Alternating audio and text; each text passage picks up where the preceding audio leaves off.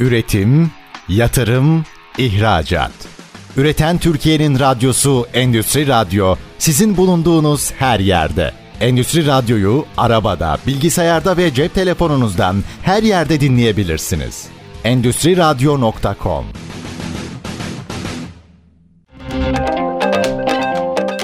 Salih Çaktı'nın hazırlayıp sunduğu Startup Dünyası programı başlıyor. Startup Dünyası'ndan herkese merhaba. Ee, ben programcınız Salih Şaktı. Bugün HRP kurucusu Burhan Bey bizlerle. Burhan Bey merhabalar, hoş geldiniz. Merhabalar, hoş bulduk. Öncelikle sizi biraz tanıyabilir miyiz? Ben e, 1965 e, Sivas Gürün doğumluyum. İlkokul yıllarına kadar. Bu arada dinleyicilerimiz sizi göremiyorlar ama hiç 65 doğumlu da göstermiyorsunuz. Yani onu da ayrıyetten söylemek Eyvallah, istedim. Çok teşekkür ederim teveccühünüz sağ olun. Liseye kadar e, Gürün'de okuduktan sonra e, burada e, Boğaziçi Üniversitesi bilgisayar programcılığına 1985 yılında geldim. 1992 evet. yılında da mezuniyetim oldu. Biraz uzun sürdü. İki yıllık bir bölümdü e, bilgisayar programcılığı. Dolayısıyla orada hani onda sebepler var. Tabii hani 7 yıl 2 yılın sürmesinin de bir hikayesi olduğunu tahmin ediyorsunuzdur zaten. Sizin bu arada bilgisayar programcılığı dediğiniz için aklıma geldi. Ya sürekli zaten hani e, HRPik bir SaaS ürünü, e, bir servis olarak bir yazılım. Ve ben hani sizi tanıdığım kadarıyla sürekli yazılımcılarla birlikte çalışıyorsunuz. E, herhalde programcılık okumanız da yazılımcılara bir proje anlatırken daha doğru brief verme, daha doğru anlatım için mutlaka bir şey altyapı oluşturmuştur diye tahmin ediyorum. Ben tabii Boğaziçi bilgisayar programcılığını çok bilinçli bir şekilde tercih ettiğimi söyleyemem. Hani bundan dolayı pişman mısın? Bölümünden dolayı pişman olan çok az adam gördüm ama ben de pişman değilim. Yani onun özellikle dünyanın evrildiği ve geldiği noktaya baktığımız zaman bir bilişimci e, kafasına sahip olmak, bilişim okur yazarlığına sahip olmak tabii ki sizi e, rekabet avantajı anlamında evet. birçok adım daha öne taşıyan bir şey. Bu manada tabii ki faydası oldu. Çok kötü bir yazılımcıydım. Hiç bana uygun bir bölüm değildi. Çok zorla e, zaten e, diplomamı almış oldum. Üniversite yaşam boyunca da biraz da zorunluluktan kaynaklı olarak ticaretin içerisinde oldum. Aslında ticaret demişken ticareti e, yani biraz burada hani gençlere ilham olması bağlamında da bir amacınız olduğunu biliyorum. Dolayısıyla benim biraz yine zorunluluktan kaynaklı. Babam Almanya'da olduğu için biz doğmadan önce Almanya'ya gitmiş. Dolayısıyla biraz zorunluluktan kaynaklı, biraz ihtiyaçtan kaynaklı, para kazanma zorunluluğundan dolayı aslında hayatın içerisinde, ticaretin içerisinde kendimi bulmuş oldum. Esas, Üniversite okuduğunuz dönemlerde başladınız aslında değil mi ticarete öyle anlıyorum. Ti, yani ticaretin tabii boyutuna bağlı olarak 7 yaşındaki bir çocuğun da kendine göre bir ticareti evet. vardı. Kendim o zamanlar gofretler vardı tenekelerde. Mesela onları e, kucağıma alıp bir teneke mahalleler arasında gezerek işte çekirdek al çekirdeğin içerisine e, iki tane bardak boy iki boyutta bardak koyup o bardaklarla çekirdek mahalleler arası satmaya kadar Sonra gofretlerde ana parayı çıkardıktan sonra gofretlerin hepsini yiyip hasta olma hikayeleri gibi bir sürü böyle hayat renklendiren geçmişte güzel şeyleri de oldu doğrusu. Dolayısıyla o günden başlayan biraz zorunluluktan aslında bu Hani ben mizacım itibariyle çok tüccar olduğumu düşünmüyorum ama zorunluluklar bizi tüccar e, ya da iş adamı e, pozisyonuna getirmiş oldu. O yıllardan beri daha sonra e, amcamın Gürün'de yani Sivas'ın ilçesi e, köyümüz başka bir köydü Dürmepınar diye. Orada zirai aletler satardı. Onun yanında da sürekli bir ticaret yaz tatillerinde sürekli bir ticaretin içerisinde e, komple e, iş yerinin bana terk edilip gidildiği dönemler çok oldu. Hı hı. Dolayısıyla orada e, bir öğrenme süreci oldu. Esasında bu ihtiyaç ya da yoksulluk diyelim hani babamız Almanya'da olmasına rağmen babam da yaşadığı bir iflastan dolayı yoksulluk aslında para kazanma ihtiyacını beraberinde getirdi. Ben lisedeyken de mesela e, bir bisiklet almıştım. Bisikleti daha sonra baktım insanlar hani çocuklar bisiklet alamıyorlar. Ben bir şekilde borçlanarak falan aldım. Çok tutkum vardı çünkü bisiklete karşı. O bisikleti daha sonra kiraya vermeye başladım. Orada para kazandım. Baktım iyi para kazanıyorum. Dört tane aynı zamanda bisikletim olmuştu. O bisikletleri de kiraya vererek resmen bir filoya dönüştürmüştüm bisiklet filosuna. Dolayısıyla e, o, o günlerden gelen bir ticari zorunluluktan kaynaklı ticari bir yolculuk başladı. Daha sonra Siz bazı... dört tanesiyle başlamışsınız. Hani şu anda biliyorsunuz hani 400 tanesini bir yere getiren startup kuruyor zaten. Evet evet biz orada o gün startup kurduk ama böyle bir geleceği göremediğimiz için bisiklet kiralama ya da Ama siz hani bir e, aslında hani tüccarlık yok diyorsunuz ama ya tabii tüccarlık e, kelime anlamıyla biraz daha farklı bir anlama gelir ama siz gerçekten e, fikir bulan ve e, bu fikri bir girişime yani daha ufakken bile bir girişime dönüştürmüş bir girişimci e, profiliniz varmış o zaman. Yani or, aslında belki şöyle revize etmekte fayda var. Beni motive eden şeyler e, paradan ziyade özgün, kaliteli, sıra dışı şeyler yapmak beni tatmin eden şeyler. Fakat bu tatminlerin peşinde koştuğunuz zaman e, sanırım beraberinde e, hani ticaretin içine girmiş dolayısıyla para da kazanmış oluyorsunuz. Ama parayla olan mesafem ya da ilişkim yeryüzüne ait bir ilişki değil, rasyonel bir ilişki değil. Daha çok benim ilişkim demin saymaya çalıştığım e, iyi şeyler yapmak, hı hı. insanları mutlu edeceğine inandığım şeyler yapmak. İnsanlardan kastım hem hizmet verdiğimiz insanları kastediyorum, hem çalışanlarımı kastediyorum, hem çocuklarımı kastediyorum, hem arkadaşlarımı, dostlarımı kastediyorum. Ee, hani hayatı birilerini mutlu etmeye mi adadın? Hani bu çok e, ters bir şey değil ama öyle bir eğilimin olduğunu da söyleyebilirim. Çünkü benim beslendiğim mutluluk kaynağım da bunlar. E, olabildiğince topluma, insanlara faydalı şeyler ürettiğim zaman kendimi çok iyi hissediyorum. Ee, belki demin söylediğiniz sizin yaşınızı göstermiyorsunuz demenizin belki formülde böyle bir şey olabilir şu anda aklıma geldi bir cevap olarak. Yani kendini iyi hissetmek e, temel temel maksat sonuçta hepimiz yeryüzünde mutluluğu arıyoruz. Mutluluğun e, bazen parada bulmaya çalışırken insanlar belki de ıskaladığımız, ıskaladığımız başka değerler var. O değerler e, belki insanı daha mutlu kılıyor.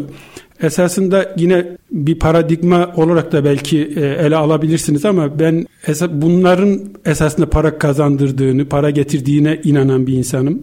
Yani eğer e, insanlara, topluma faydalı bir şeyler yapıyorsanız bunu mutlaka ve mutlaka sizin amacınızın bu olması gerekmiyor.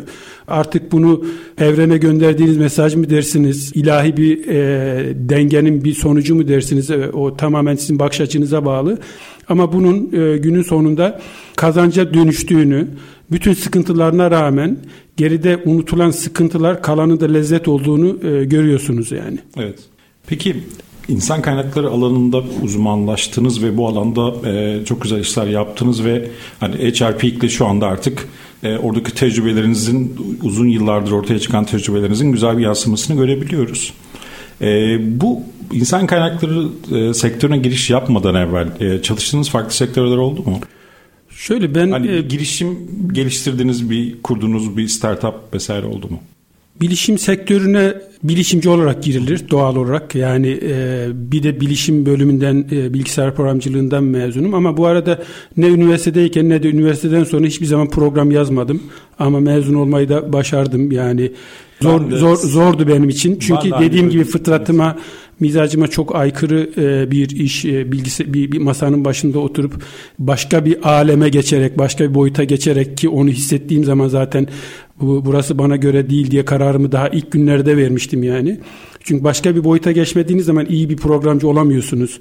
Paralel evrene geçmeniz gerekiyor. Orada bu işler e, kafada döndürüp e, ortaya somut şeyler çıkarılabiliyor. Dolayısıyla bir biliş, bilişim e, işleri yaparken ben esasında bir taraftan da demin söylediğim gibi çok haz aldığım mevkisine bakmadan, seviyesine bakmadan her tür kişiye iş bulmakla ilgili tamamen sosyal sorumluluk anlayışıyla e, insanlara bir fayda üretebilir miyim diye insanlara eş bulmaktan, aş bulmaktan daha önemli şeyin iş bulmak olduğuyla ilgili bir yaşam paradigmamı da 35 yıl hayata üniversitedeyken fark ettim ve insanların iş bulmama, bulmalarına vesile olduğum insanların arayıp bana teşekkür ettiklerinde aylardır işsiz olan her seviyede insanların teşekkür ettiklerinde aldığım hazı titre, titrediğimi çok iyi bilirim. Hala hala da öyleyimdir. Birisinin iş bulmasına vesile olmanın böyle verdiği bir haz var.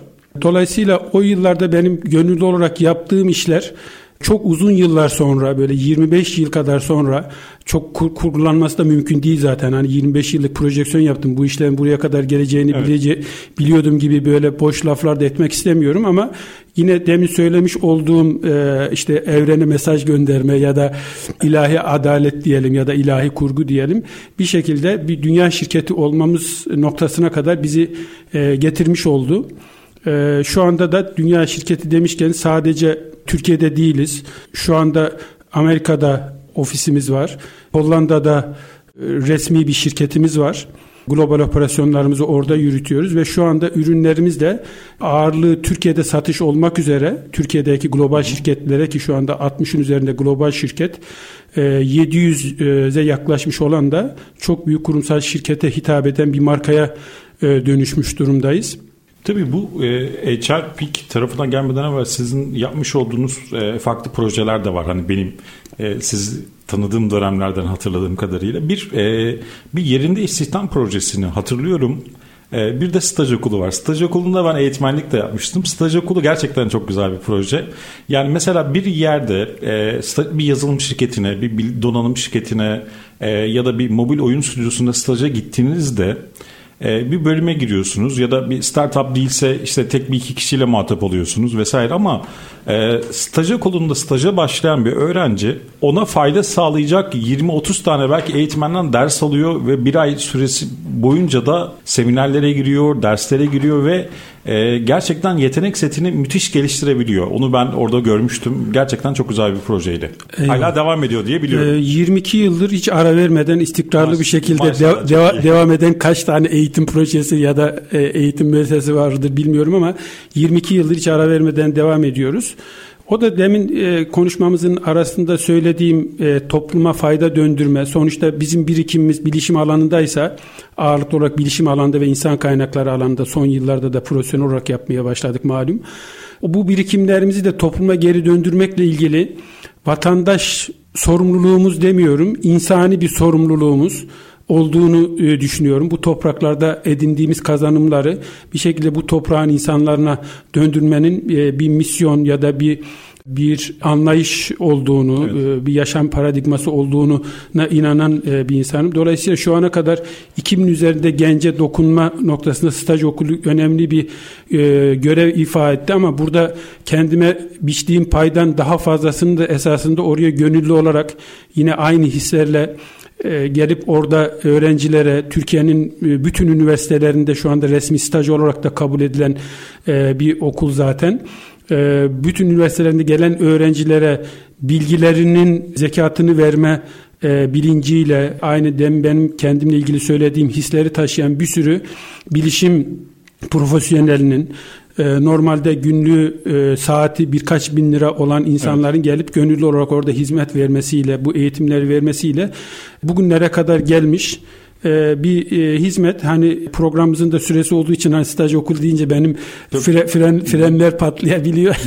Or, or, orada oradan alıp gidebiliyorum. Çünkü hani bugüne kadar ki en büyük kazanımın ne deseniz tamam HRP gerçekten çok büyük bir kazanım. Bu ülke adına da yatırım yatırım görüşmeleri de yapıyoruz. Bir süre ertelemiş olsak bile e, HRP2'in ama hani öbür tarafta manevi olarak ne biriktirdim Burhan dediğinizde orada da e, bu ülke adına çok değerli bir e, oluşum olduğuna inandığım e, staj okulunu e, söyleyebilirim yani ki orada 2000 üzerinde öğrencinin bugün artık öğrenci değil bir yerlerde çalıştıklarını e, düşünürsek aslında hatta eğitmen olarak dönenler bile vardır e, belki. Tabii bir, yani şu anda insanlar inanmakta zorlanabilir. Binden fazla eğitmenimiz var. 2000'in üzerinde bugüne kadar dokunduğumuz öğrencimiz var ve bunların hepsiyle de sıcak temas içerisindeyiz ve bu ilişkiyi hiçbir zaman koparmadık. Ben bir firmayı ziyaret etmiştim. Bazılarının tabii iş büyüdüğü için e, bizzat görmediğimiz insanlar var bir firmayı ziyaret ederken bana e, hoş geldiniz işte nereden geliyorsun? işte staj okulu HRP falan deyince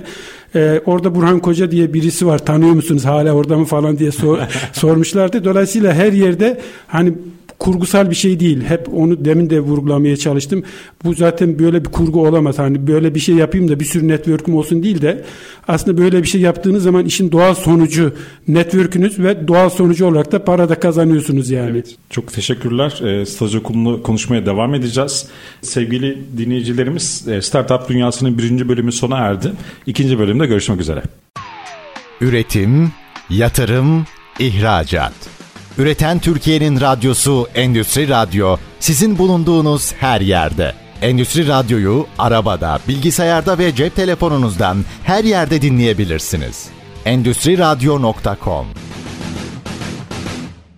Startup Dünyası'ndan herkese merhabalar. HRP kurucusu Sayın Burhan Bey bizlerle staj okulunu konuşmaya devam ediyoruz.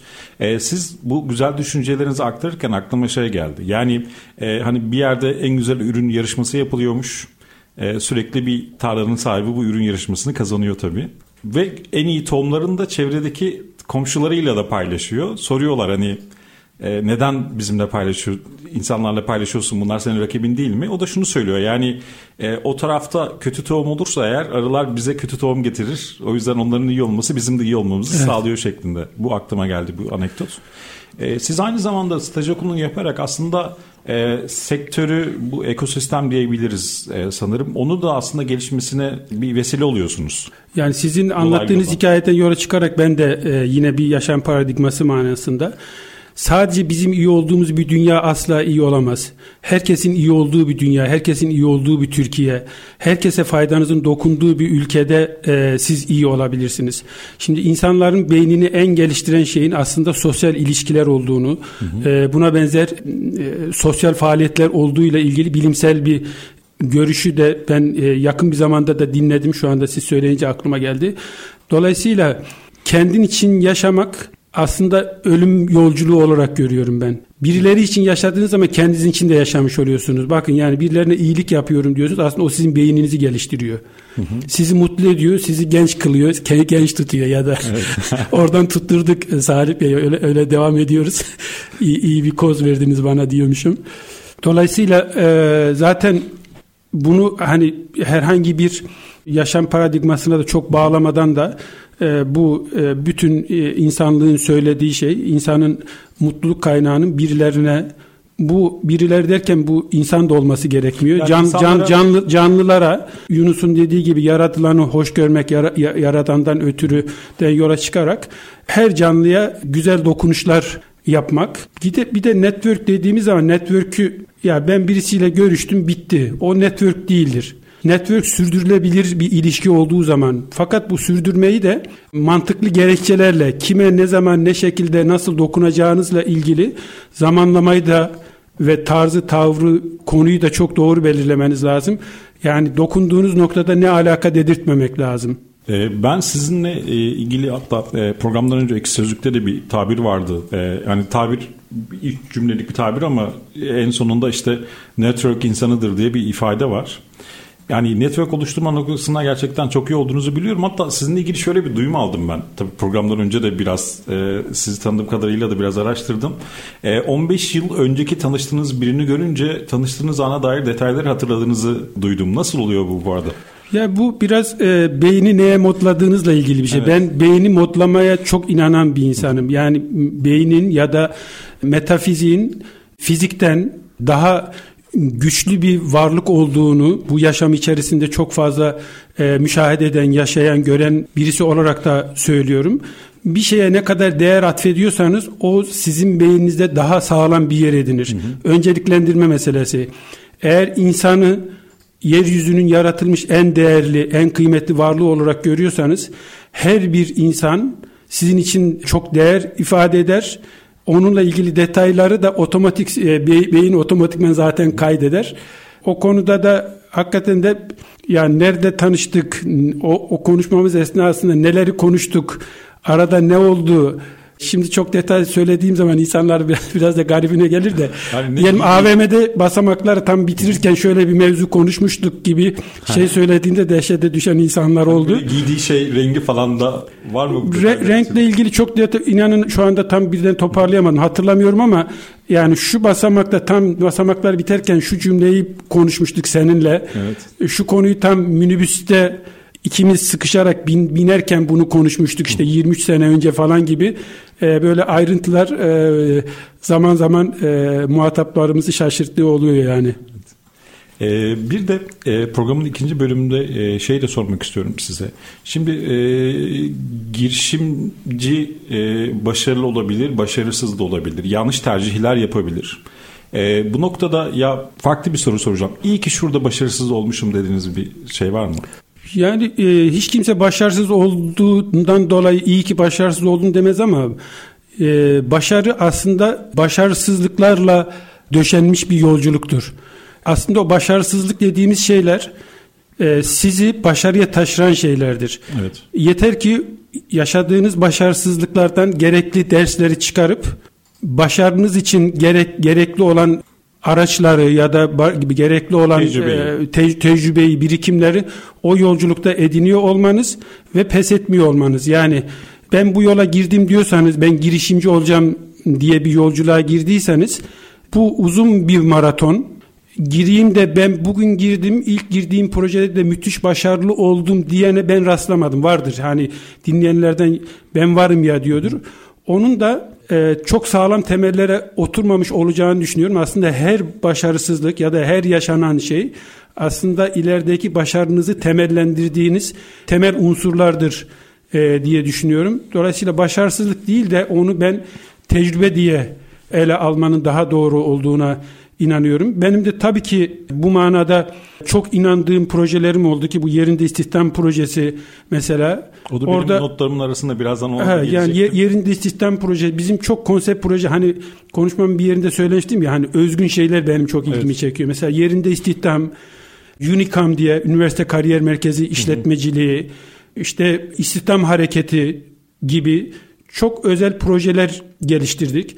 Bizim e, kamuyla çalışma reflekslerimiz e, yeterince gelişmediği için ki hani çok şükür diyorum bugün geldiğimiz noktaya da bakarak evet. iyi ki de o reflekslerimiz çok gelişmemiş. Kamu tarafına özellikle belediyeler eliyle yerinde istihdamı belediyeler eliyle insanların evlerine en yakın mesafedeki iş yerlerinde istihdam edilmesi temel yaklaşımıyla oluşturulmuş bir konsept projeydi.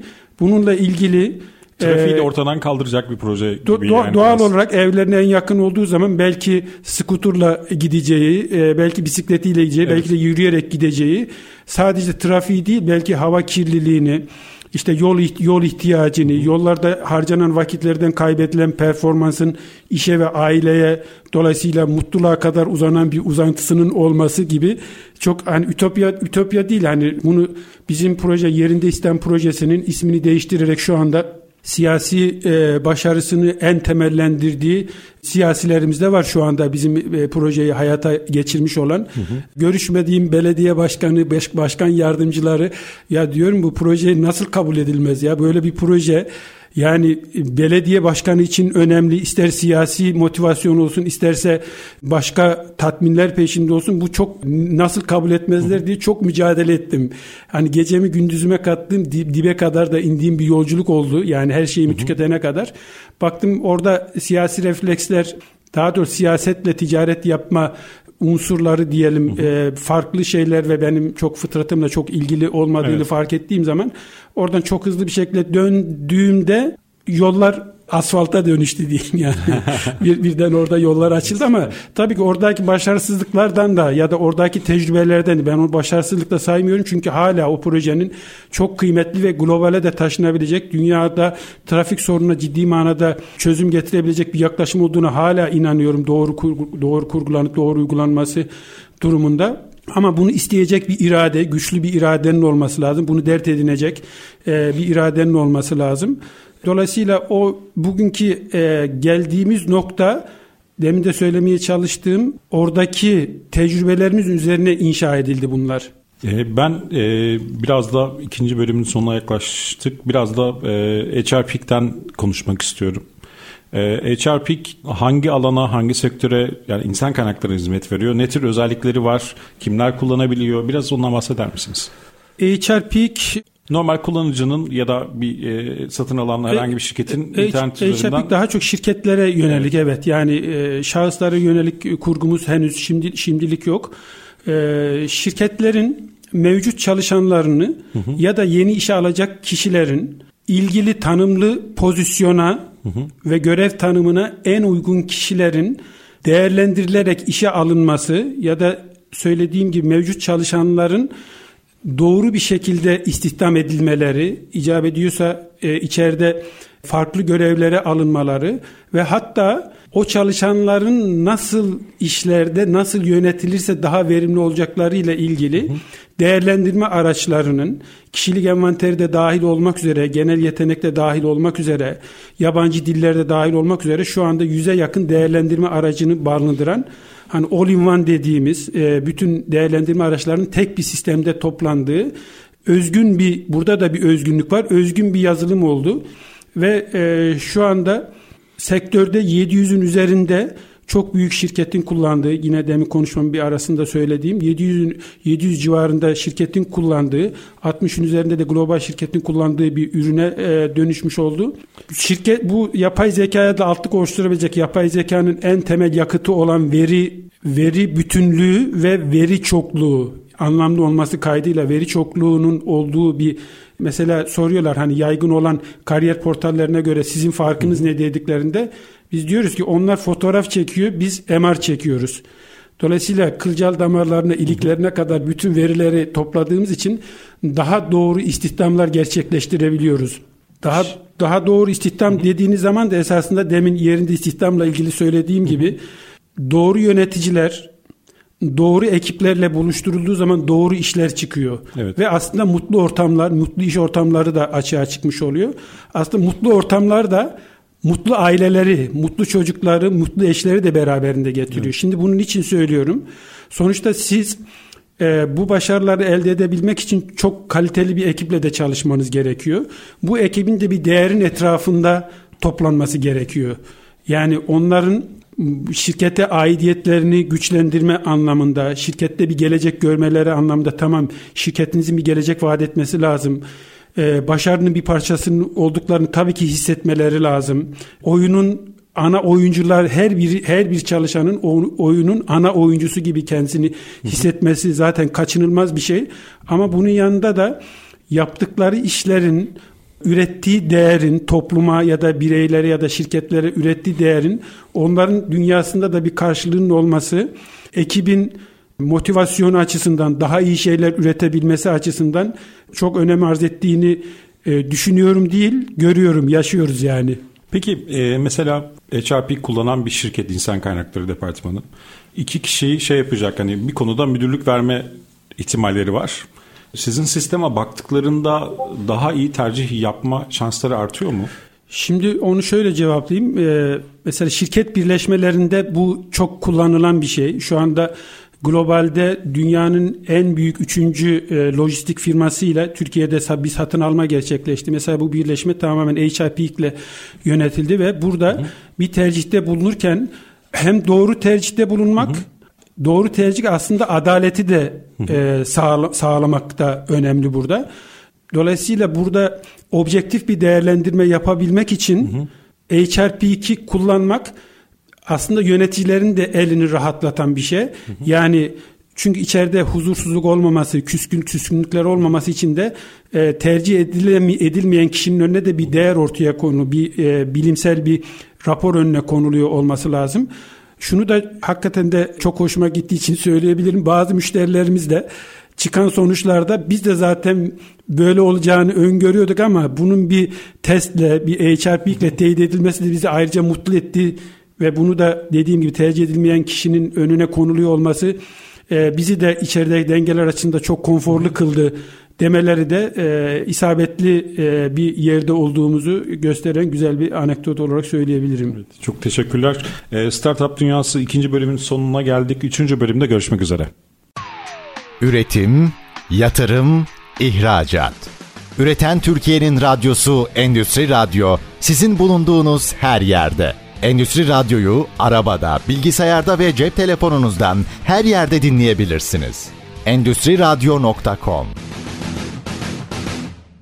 Startup dünyasının herkese merhabalar. Ben programcının Salih Çaktı. HRP kurucusu Burhan Bey, Burhan Koca bizlerle. Çok hızlı geçiyor program. Çok keyifli bir sohbet oluyor Burhan Bey. Programın ilk bölümünde ve ikinci bölümde e, network konusuna değinmiştik. Burada siz hani network'e anlamlı dokunuştan kastınız ne? E, onu merak ediyorum. Onu sormak istedim. Bir de etkinliğe gitmek, işte kartvizit alıp vermek, birileriyle tanışmak networking olarak adlandırılıyor ya. Sizin bakış açınızla networking e, nedir ve anlamlı dokunuş oluşturmak ne anlama geliyor? Yani network oluşturmak bir defa görüp onu, onu orada bırakmak değildir. Hani anlamlı dokunuş diye bir şey söyledim. Mesela ben bayramlarda insanlara jenerik mailler ya da kartpostallar gönderilmesini e, negatif etkisinin olduğuna inanan bir insanım. Hı hı. Ne kadar kişiye dokunacaksan o kişiye bizzat kendisini değerli hissettirebilecek, bizzat ona ait ben herhangi birisi değilim Burhan için hı hı. dedirtecek e, özel dokunuşlar yapmadığınız bir ilişkiye jenerik şeylerle insanların bayramlarını falan kutlamanızı e, çok tavsiye etmem acizane. Hı hı. İnsan özel, insan zaten özeldir. Her bir insan özeldir. Her bir insan özeldir ve her bir insan özel ilgiyi hak eder. Bununla ilgili vakti nasıl yetiriyorsunuz? Biraz fedakarlık gerekiyor. Eğer bu sizi tatmin eden, sizi besleyen, hı hı. E, sizi diri tutan, sizi canlı tutan eğer bir şey ise dünyanıza ki bu hani dur da beni de canlı tutsun dediğiniz zaman biraz da belki mizaçla da ilgili olabilir ya da hayata yüklediğiniz değerlerle de ilgili olabilir. İnsana yüklediğiniz, canlılara yüklediğiniz değerlerle de ilgili olabilir o insanları özel hissettirmeniz lazım. Burada aklıma geçen işten ayrılan birisine e, soruyoruz. Diyoruz ki niçin ayrıldın ya? Yani şartlarını anlatıyorsun çok iyi.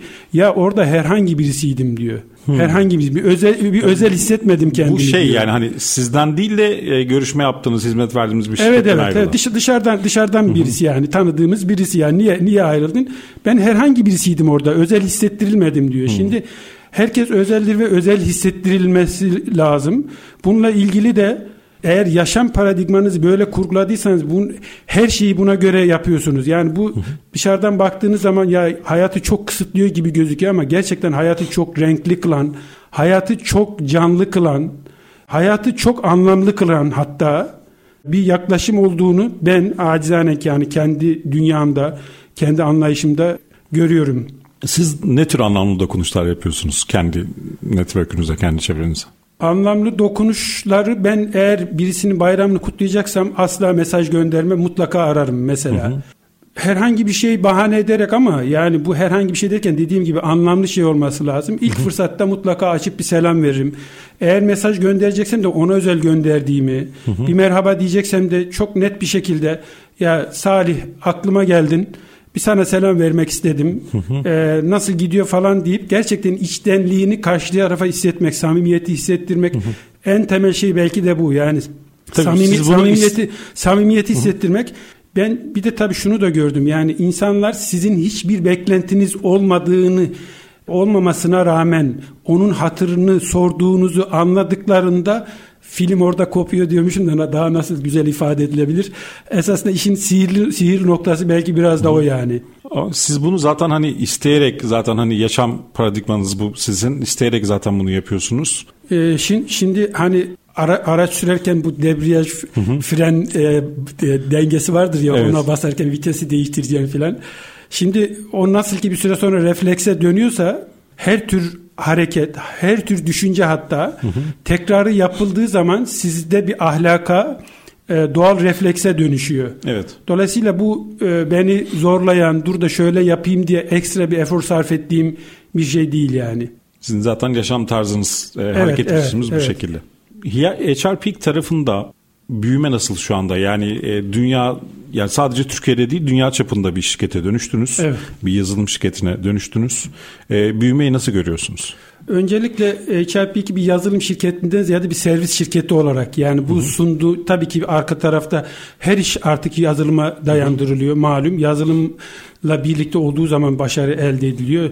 Sonuçta lojistik işine baktığınız zaman ya da e-ticarete baktığınız zaman aslında bir yazılım projesi. Evet. O anlamda bir yazılım projesiyiz ama biz de bir servis dijital değerlendirme, online değerlendirme araçlarını e, sunduğumuz bir e, yapı HRP. HIP2'in büyüme hızı şöyle biz ilk sektöre girdiğimiz zaman ki bizim yaptığımız işle bir taraftan da yurt dışında döviz ödeyerek satın alınıp Türkiye'de lokalize edilen, hı hı. yerelleştirilen e, bazı ürünlerin de gerek kalmamış olduğu Türkiye'de. Biz o ürünü e, ilk e, bu yola çıktığımız zaman e, bize dendi ki yani bu ürünler oldum olası dünyanın birçok ülkesinde de böyledir. Özellikle batıda üretilir, Türkiye'ye de getirilir, temsilciliği alır, uyarlanır diye. Hı hı. Bu kabulle tabii ki sektöre ilk girdiğimizde de bununla ilgili bir takım mukavemetlerle de karşılaşmadık değil doğrusu. Ama e, ne zaman ki bu ürünü diğer ürünlerle birlikte halihazırda kullandığınız ürünlerle birlikte kullanın deyip e, yaklaşık onda bir fiyatlarına ve all in one olarak hepsi bir arada verdiğimiz zaman oradan itibaren insanlar aslında globalde getirdikleri ürünlerden geri kalmayan hatta bazı üstün özellikleri olduğunu gördüklerinde hı hı. hızlı bir şekilde bizim ürünlere geçtiler. Sonuçta global şirketler de hazırda 10 yıllardır kendi merkezlerinde, global merkezlerinde kullanılan ve kendilerinde kullanılması söylenen değerlendirme araçlarını bırakıp bizim sisteme geçtiklerinde çok hızlı bir şekilde biz bunun global bir karşılığı olduğunu da zaten e, bir anlamda sağlamasını e, yapmış olduk ve e, global yolculuğumuzu da o anlamda hızlandırdık. Dolayısıyla biz çok ciddi bir özellikle ilk yıllardaki genelde öyle olur iyi bir ürün çıktığı zaman 13 kat bir büyüme yaşadık. Şu anda da cirosal bazda minimum son yıllarda 2,5 kat 3 kat büyüme yaşıyoruz. Geçen yıl ortalama iki günde bir müşteri ediniyorduk. Bugün bu yıl her güne bir müşteriye yaklaştık. Çok, Muhtemelen çok önümüz, önümüzdeki bu müşteriler de çok büyük şirketler olduğunu, aklınıza gelen Türkiye'deki hı hı. 700 şirket dediğiniz zaman genelde de büyük şirketler zaten bu tür şeyleri kullanıyor. 700 şirket dediğiniz zaman çok ciddi bir portföye ulaşmış oldu. Bu başarıyı globalde de daha hızlı elde edeceğimize inanıyoruz. Temel sebebi de şu. Türkiye'de bu ürünlerin kullanılma bilinciyle ilgili biraz e, zorlandık e, bu iş bunların gerekli olduğu ile ilgili bir. İkincisi de bunların çok pahalı olduğu ile ilgili bir ön kabul olduğu için ki öyleydi daha önce. Ben hatırlıyorum bazı testler falan ciddi ücretliydi yani. E, şimdi onla, onları onları çok kolay erişilebilir rakamlara kadar hı hı. E, dijital ortama taşıdığınız zaman öyle bir imkanda her alanda olduğu gibi bizim insan kaynakları alanında da e, bu e, gerçekleşmiş oldu.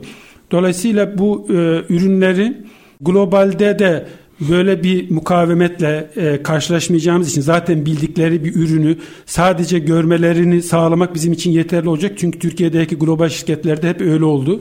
Aynı gün içerisinde karar veren, satın alma kararı veren global şirketler de oldu. Şu anda müşterilerimize sadece bir günlük bir demo açmamız, mevcutta eğer bir ürün kullanıyorlarsa e, bizim en kolay sattığımız yerler oralar. E, çünkü zaten bildikleri bir ürünü kıyaslayabilecekleri e, bir ürün gördükleri zaman aynı gün içerisinde e, karar verip e, bizim ürünü tercih ediyorlar.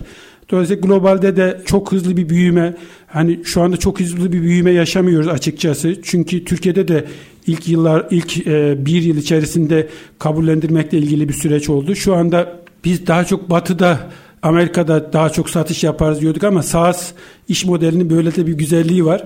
Hiç temsilciliğimizin olmadığı, şu anda 13 ülkede temsilciliğimiz var. Hiç temsilciliğimizin olmadığı ülkelere de e, satışlar yapıyoruz. Orada bir kırılma noktası ol, Türkiye'de olduğu gibi e, globalde de bir kırılma noktasını aştığımız zaman orada eksponansiyel bir büyüme yaşayacağımızı da 3 aşağı 5 yukarı görebiliyoruz. Peki e, Z kuşağı e, insan kaynakları tarafında hani çok e, avantaj sağlayabiliyor ya da belki işe adapte ol, olmalarıyla alakalı sorun yaşayan birçok şirket var. Siz sizin sistemde Z kuşağına yönelik herhangi bir özellik var mı? Sistemde Z kuşağı değil aslında bizim yani genel itibariyle hı hı. insanı analiz ediyoruz. Hı hı. Z kuşağını ayrıca analiz etmek aslında başka hassasiyetleri, başka gözlemleri de gerektiren e, bir şey. Z kuşağını anlamakla ilgili testlerden ziyade onların yaşam tarzlarını, beklentilerini hatta biraz daha üst şemsiyeden baktığımız zaman belki de dünyayı, dünyanın gittiği yeri, hı hı. aktığı yeri genel genel olarak anlamak ve bunu anlamakla ilgili bir çaba içerisinde evet. olmak lazım. Yani biz de sonuçta bizim yaşımızda alıp alıp gittiği için alıp başını gittiği için biz de e, genç kuşağı e, doğru anlamak, hı hı. doğru e, çünkü onlarla sonuçta çalışıyoruz. Sürekli bir teyakkuz halindeyiz. Yani e, radarları açmış durumdayız. Yani bu genç kuşak nasıl yönetilir, nasıl tutulur, nasıl mutlu olurlar, nasıl hı hı. sürdürülebilir olurlar. Çünkü şu anda bizim yazılımcılardan iki kişi eksildi. E, ne yazık ki daha önce biraz övünüyorduk işte bizde pandemi döneminde hiç kimse bir kişi bile ayrılmadı derken ama cümleyi şöyle revize edebilirim. Bizde kritik pandemi döneminde kritik pozisyonda hiç kimse ayrılmadı. Evet. E, bu da bizim başarımızda çok önemli bir unsur. Çünkü kaliteli, kaliteden kastım inanın sadece teknik kaliteyi kastetmiyorum. İnsani kalite de önemli. Çünkü ekip arasındaki korelasyon, uyum, hı hı. işbirliği çok ciddi bir güç birliğine dönüşebiliyor. Eğer o iklimi siz şirketinizde oluşturabildiyseniz, o anlayışa sahipseniz o iklimin sayesinde aslında bir de manyetik alan da oluşturuyorsunuz. Bazen bize diyorlar ki kardeşim siz bu insanlar nerede buluyorsunuz? Biz de bunu fırsata çeviriyoruz. Diyoruz ki E çarpı ile değerlendiriyoruz. aslında bu işin bu işin doğru bir tarafı var ama diğer tarafta da hakikaten de manyetik alan da oluşuyor. Yani iyi insanların olduğu yerlere iyi insanlar geliyor. Diyelim ki iyi insan gelmedi. İyi insan gelmediği zaman da sistem onu dışarıya kusuyor zaten. Yani orada kendisine yer edinemiyor. Yani ilk başta diyelim ki hata yaptınız. Ki yani çok şükür bizim hani öyle bir hatamız da bugüne kadar böyle kritik hı hı. bir hatamız olmadı. Çünkü know-how bir bizim gibi şirketlerin kalbi diyebiliriz ya da beyni diyebiliriz. Şimdi know-how'un e, know-how dediğiniz şey bir birikimdir evet. ve bu birikimi eleman kaybederek bir gün içerisinde 3 yıla 5 yıla 10 yıla sari olan birikimlerinizi bir çırpıda kaybedebilirsiniz.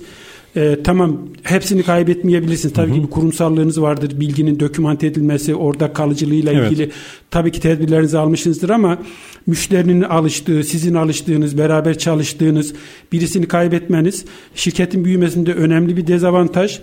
Bizim itici güçlerimizden en hız, hızlandıran, e, ivme kazandıran en önemli güçlerimizden birisi de bizim çalışanlarımız.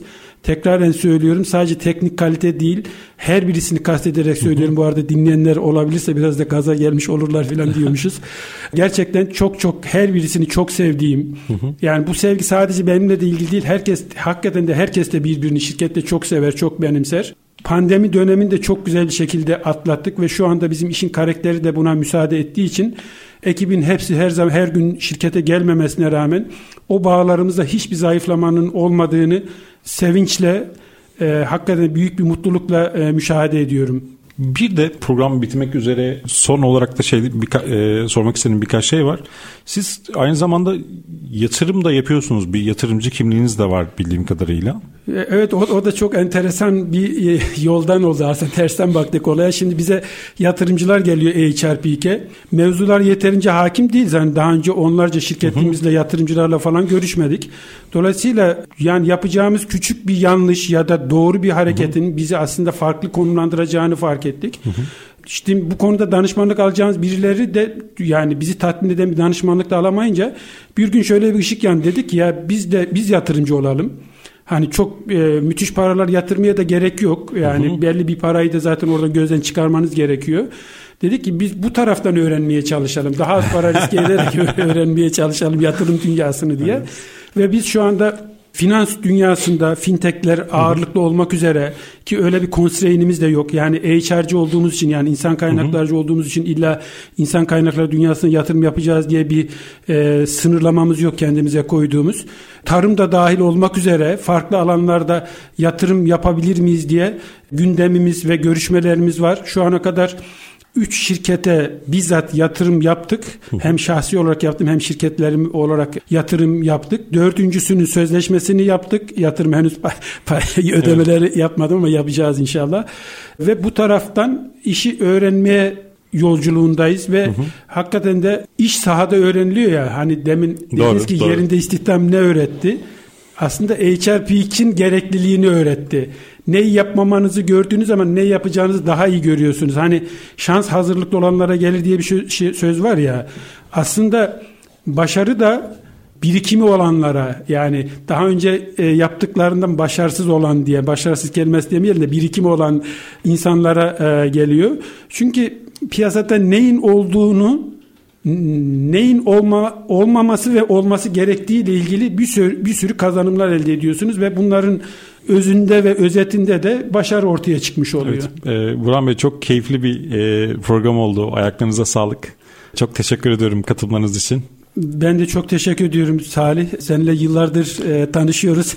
Böyle uzun uzun zamandır da görüşmüyoruz. Bu vesileyle de bir yere gelmiş çok, olduk. Çok mutlu oldum. E, Endüstri Radyo gibi e, gerçekten ilk duyduğumda bu kadar bir başarı beklemediğimi itiraf edeyim ama keyifle e, yollarda dinlediğim çok güzel programların e, yürütüldüğü bir radyoya dönüştü. E, Endüstri Radyo'nun da başarılarının ivmesinin HRP kadar iyi, iyi olmasını temenni ediyorum diye yine HRP'ye bağlayalım mevzuyu. Çok teşekkür ederim katıldığınız için.